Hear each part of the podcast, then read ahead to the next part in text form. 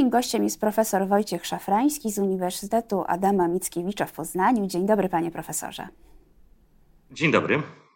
Dziś porozmawiamy o sztuce. Gdyby miał pan wymienić najciekawsze kradzieże dzieł sztuki, to byłyby to?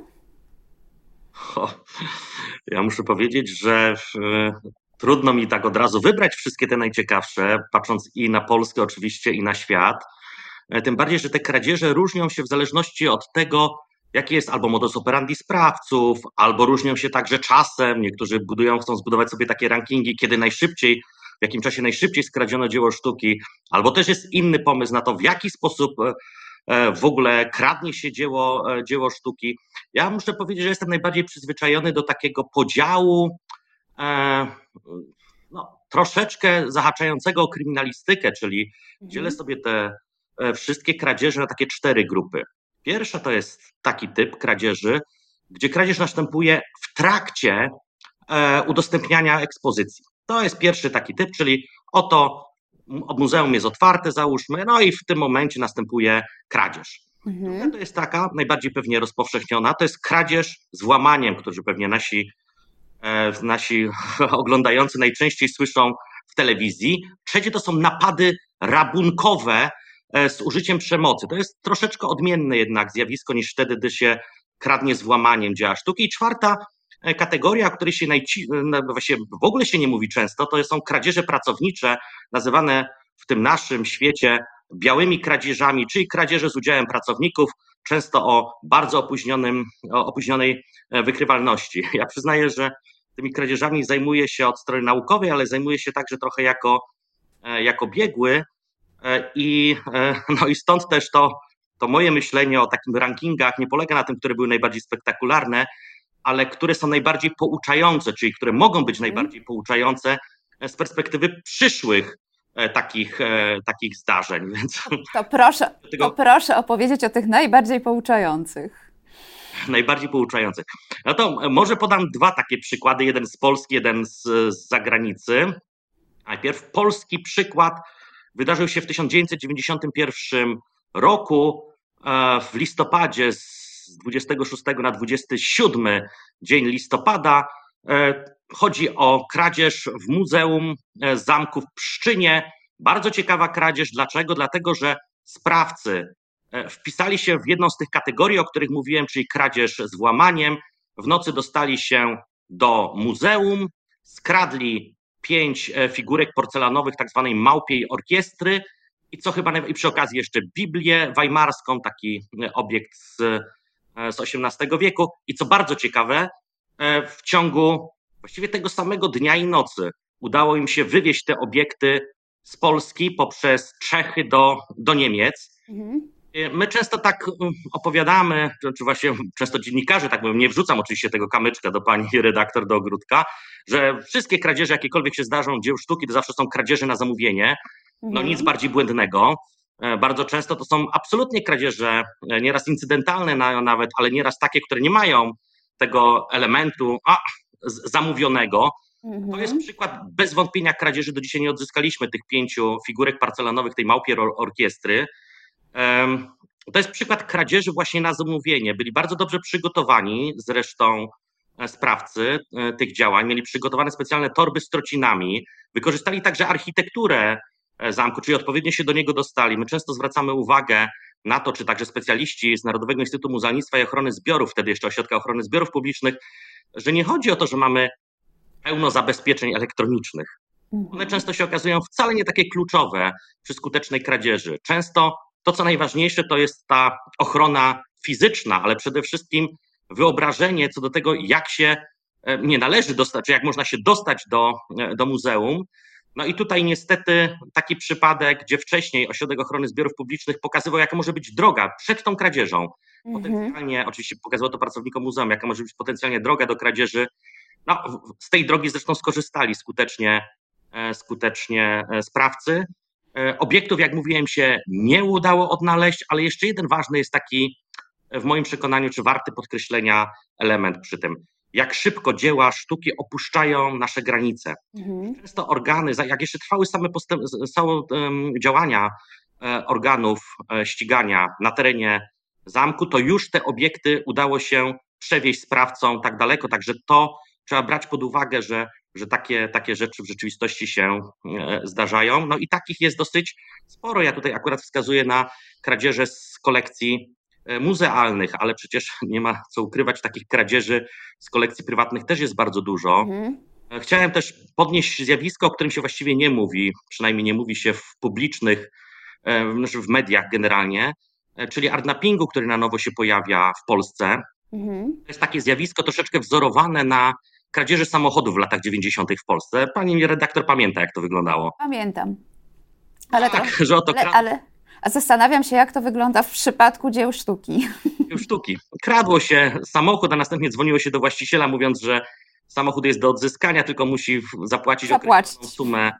Tak jest. E, to oczywiście wynikało z tego, że te samochody często nie były ubezpieczone. E, co do ubezpieczeń dzieł sztuki w Polsce, bardzo niewielu kolekcjonerów ma ubezpieczone zbiory albo indywidualnie obiekty, bo też e, koszty ubezpieczenia są bardzo wysokie. Jeżeli ktoś jest kolekcjonerem, posiada tych dzieł bardzo, bardzo dużo, no to siłą rzeczy nie jest w stanie ich wszystkich e, ubezpieczyć. E, no i zaczęły pojawiać się takie przypadki już parę lat temu, gdzie są kradzieże ze zbiorów publicznych, prywatnych, a następnie no jest propozycja dla właściciela o odkup 10, za 10% wartość. No, mm to nie jest kradzież na zlecenie, tylko i teraz stoi w takim przymusie trochę taki kolekcjoner czy właściciel takiego dzieła sztuki mówi tak, zapłacić, nie zapłacić, mhm. powiadomić organy państwa, nie powiadomić organów mhm. państwa i wszystko zależy od tego, jaki ma pogląd na tą sprawę, czy w ogóle uznaje, że organy państwa są skuteczne w ściganiu przestępczości przeciwko dziedzictwu, czy też nie. Ja bym powiedział, że niestety e, właściwie w tych przypadkach ostatnich hardnappingu kolekcjonerzy, kolekcjonerzy nie zawiadamiają organów państwa. Czyli płacą? Uważają, że czyli płacą te 10%, około mhm. 10%, e, no i odzyskują te obiekty, nie myśląc pewnie tego, że, na, że tym samym mogą napędzić taką troszeczkę spiralę takich, e, takich, e, takich działań. No to, to jest takie zjawisko nowe, ono nie jest jeszcze powszechne, no ale chodzi o to, żeby je jakby tłamsić w zarodku, czy, czy poszukiwać tego, e, tego typu zjawisk, skutecznie przeciwdziałać już, już obecnie. Także to jest taki napping, e, trochę nowe takie zjawisko, mhm. E, no ale jak zawsze wykorzystujące coś, co już wcześniej gdzieś w innych obszarach funkcjonowało. A panie profesorze, Panie profesorze, bo e, właśnie chciałam jeszcze wrócić do tego przykładu tej pouczającej kradzieży z zagranicy tym razem, bo była Polska, to powiedzmy jeszcze jak za granicą to wygląda. To jest przykład e, z dawnych lat, z Cincinnati z 1973 roku, to jakoś tak rok przed moim urodzeniem, więc ja nie mogłem obserwować tego na żywo, ale na czym polega ten przypadek i co się działo? Mianowicie z Muzeum Taft w, w Cincinnati skradziono dwa obrazy Rembrandta, tym razem kradzież w innym typie, czyli z takim napadem i z przymusem, czyli jeden ze straż, strażnicy pod, e, e, pod wpływem groźby, pozostałych dwóch sprawców rabuje. Ale co bardzo ciekawe, ta kradzież, e, dlaczego ona jest taka w moim przekonaniu ciekawa i często ją modelowo pokazuję także na zajęciach dla chociażby organów państwa, mianowicie dlatego, że została wyznaczona w pewnym momencie nagroda, czyli okup za zwrot tych dzieł Rembrandta. Wymyślono ją sobie na poziomie na początku 200 tysięcy dolarów, później zeszli do e, sprawcy do 100 tysięcy do 100 tysięcy dolarów. E, od razu uprzedzając sytuację, ostatecznie sprawców schwytano. Mhm. To, co jest i wydali z tej sumy 24 dolary tylko na jakiś fast food. Także A to rzeczywiście. Wszystko odzyskano. Odzyskano też te dwa obiekty, wcześniej odzyskano jeden w ten sposób, że sprawcy, żeby pokazać dobrą wolę, że rzeczywiście posiadają ten obiekt, no to postanowili jeden oddać, a dopiero za drugi wziąć bezpośrednio ten, e, ten okup. Muzeum zdecydowało się na zapłatę okupu. Mhm. To jest też, to jest tak samo troszeczkę jak z porwaniami. To jest zawsze bardzo trudny moment, czy się zdecydować, czy nie. Państwo wiedzą, no bo z dziełami sztuki w przypadku kradzieży jest e, trochę tak, że najważniejsze nie zależy nam najbardziej na tym, żeby schwytać sprawców, Najbardziej nam zależy, żeby odzyskać dzieło. To jest kluczowe. Mm-hmm. Dużo dzieł w przypadku kradzieży ginie, ulega zniszczeniu właśnie celowo, żeby nie było dowodów mm-hmm. popełnienia przestępstwa, czy żeby ograniczyć ten środek dowodowy w tym zakresie. Stąd też muszę powiedzieć, że, e, że tutaj jest taki jeszcze jeden ciekawy element w tej kradzieży, dlatego że rzecz się rozgrywała także w telewizji jednocześnie. Czyli udział, praktycznie na żywo pokazywanie niektórych z elementów odzyskiwania tych obiektów, mhm. zainteresowanie osób trzecich, pośredników różnych, różnego typu, którzy później się okazali tak naprawdę współpracujący, współpracującymi mhm. ze sprawcami. Czyli trzech młodych ludzi, oczywiście ostatecznie schwytanych, no ale najlepsze z tego wszystkiego jest końcówka. A końcówka brzmi, a końcówka wygląda mniej więcej w ten sposób. Kilka lat po tej kradzieży ustalono, że oba te oba te, obie te prace Rembrandta są tak naprawdę pracami, które nie wyszły spod jego pędzla. A tak właśnie pomyślałam, pewnie wchodziły w grę falsyfikaty.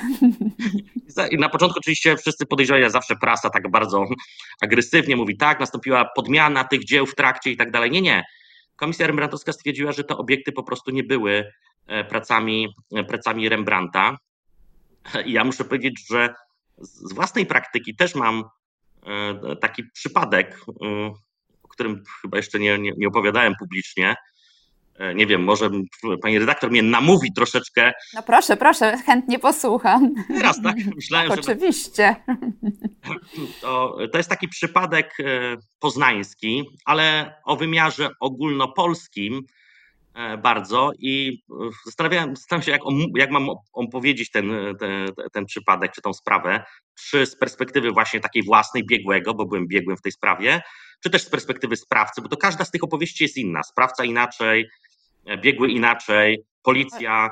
Może opowie, może opowie Pan z perspektywy biegłego, a perspektywę sprawcy sobie dopowiemy. No, sprawcy, część z nich już, znaczy część już jest, wyszła na na wolność. wolność. Nawet skazani, więc będzie mogła pani być może redaktor przepytać także e, sprawców. No to, to opowiem może z perspektywy biegłego. E, to wygląda troszeczkę w ten sposób, że my dostajemy, współpracujemy na bieżąco z organami państwa, z organami ścigania. I to, się, I to wygląda mniej więcej w ten sposób, że dostaje się telefon, że jest jakaś sprawa, coś się dzieje.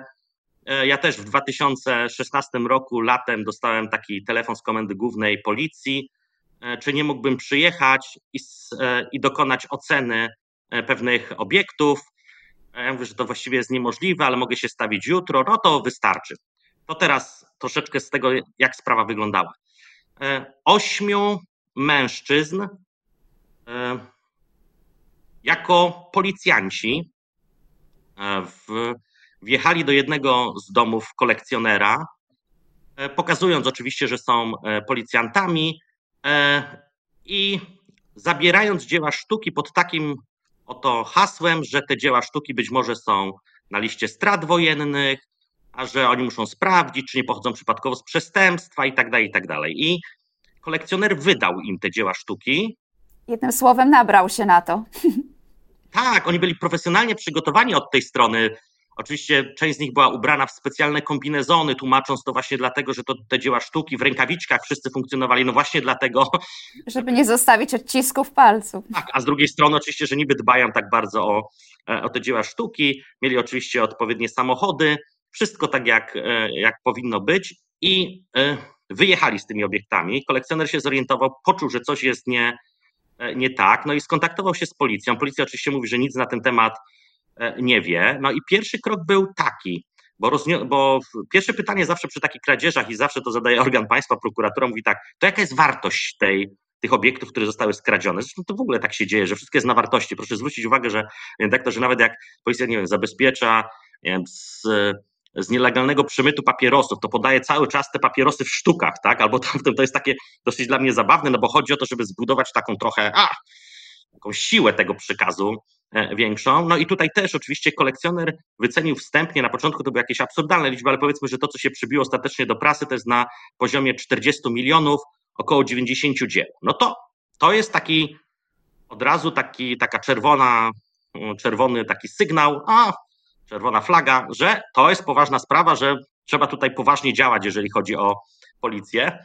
I proszę sobie wyobrazić że rzeczywiście pierwsze sprawdzenie, jakie było, no to żeby dostać się w ogóle do tego kolekcjonera do domu, sprawdzić, czy jakieś inne obiekty nie są na liście strat wojennych, ponieważ wyszła informacja, że jakoby część z tych obiektów, które zostały skradzione, posiadają z tyłu stemple mhm. e, hitlerowskie. No i rozniosła się w prasie informacja, że to jest odnaleziona kolekcja Goebbelsa. To prasa lubi takie różne rzeczy. No i rzeczywiście w międzyczasie doszło do zatrzymania samochodu, niedaleko zresztą Muzeum Narodowego, już tym razem w Warszawie, który zawierał około 80 dzieł sztuki. Ja przy tym pierwszym otwarciu tego samochodu nie byłem, te, te czynności wykonywał ktoś inny, a więc taki pobieżny spis tych, tych prac. W międzyczasie sprawdzaliśmy, ile tych obiektów e, jest e, w domu z kolei kolekcjonera, czy jakieś nie pochodzą ze strat wojennych. E, nie pochodziły żadne, no i później zaczyna się ten żmudny proces, mówi o wycenach, o ocenach obiektów. I nie przedłużając już, ja, tych, ja te obiekty wyceniłem dokładnie na 29 340 zł, 90 obiektów, no bo one się okazały w rzeczywistości falsyfikatami. E, co ciekawe, wiele z tych obiektów z kolei, które zostały u kolekcjonera, były autentyczne. Czyli to nie jest tak, że to był. To, to, jednak, to jednak fałszywi policjanci nie przygotowali się dobrze. Tak, i dlatego później w wyroku e, sędzia drugiej instancji mówi o tym, że to jest taki trochę gang Olsena, trochę spłaszczając w moim przekonaniu w ogóle ten zamiar sprawców, że trochę sprowadzając go do takiego zamiaru bardziej zagarnięcia falsyfikatów niż, tych, niż tego mienia znacznej wartości, czy inaczej dóbr o szczególnym znaczeniu, ale ja muszę powiedzieć o, dużej, o takim dużym zaangażowaniu ze strony policji, bo często tak, często mówi się źle o policji, bo dla policji czy dla prokuratury to są sprawy incydentalne, bardzo incydentalne. Mhm. W Polsce nie ma takiej sytuacji, jak jest we Włoszech, w Niemczech, w paru innych państwach, że mamy etatowe zespoły do ścigania przestępczości przeciwko dziedzictwu. Takie coś nie istnieje w Polsce. Mhm. Etatowe podkreślam, czyli nie mhm. takie, że no, jest sprawa i ruszamy do boju. Oczywiście w każdej komendzie wojewódzkiej jest taki, no, można powiedzieć, taki koordynator do, w zakresie przestępczości przeciwko dziedzictwu. No ale ten koordynator to nie jest taki, że się zajmuje tylko tymi sprawami, tylko zajmuje się mhm. wszystkimi bardzo różnymi sprawami. Mhm. To trochę jest tak, że dla organów państwa takie sprawy są incydentalne, incydentalne, to oni incydentalne w ich działalności. Ponadto są bardzo kapitałochłonne, no i czasochłonne przy okazji również. Mhm nie posiadają często biegłych, a więc muszą korzystać z tych biegłych e, zewnętrznych, no i boją się popełnić e, jakiegoś błędu. I na przykładzie tej sprawy, ja muszę powiedzieć, że miałem taką, nie, nie, to nie jest wewnętrzna satysfakcja, ale taką fajną naukę, dlatego że policjanci, którzy pracowali wtedy nad tą sprawą, oni po raz pierwszy, większość z nich po raz pierwszy w ogóle dotknęła takiej sprawy z zakresu kradzieży dzieł sztuki, czy w ogóle przestępczości przeciwko dziełom sztuki, oni się przy okazji bardzo dużo rzeczy, mam nadzieję, nauczyli. Nawet takich podstawowych, typu jak pakować dzieła sztuki przy przewozie, tak? Mhm. Że nie zwija się prac olejnych, takich wyciętych do środka, tylko na zewnątrz, mhm. tą, tą warstwą malarską. E, nauczyli się także przy okazji też pracy z technikami, nauczyli się jak fotografować dzieła sztuki, robiliśmy fotografię tam w, także w podczerwieni, w UV i tak dalej, i mhm. tak dalej. Więc muszę powiedzieć, że to jest taka też fajna nauczka, ale to nie znaczy, że ci sami policjanci następnym razem, jak będzie taka sprawa, że oni, że to oni trafią no tak, może, może trafić inna ekipa i niekoniecznie będzie przygotowana do tego, żeby się tymi dziełami sztuki zająć. Panie profesorze, opowiada Pan szalenie ciekawie, ale kończy nam się czas. Czas na dziś. Będą kolejne odcinki. Dziś serdecznie dziękuję. Moim gościem był profesor Wojciech Szafrański z Uniwersytetu Adama Mickiewicza w Poznaniu. Bardzo dziękuję. Dziękuję bardzo.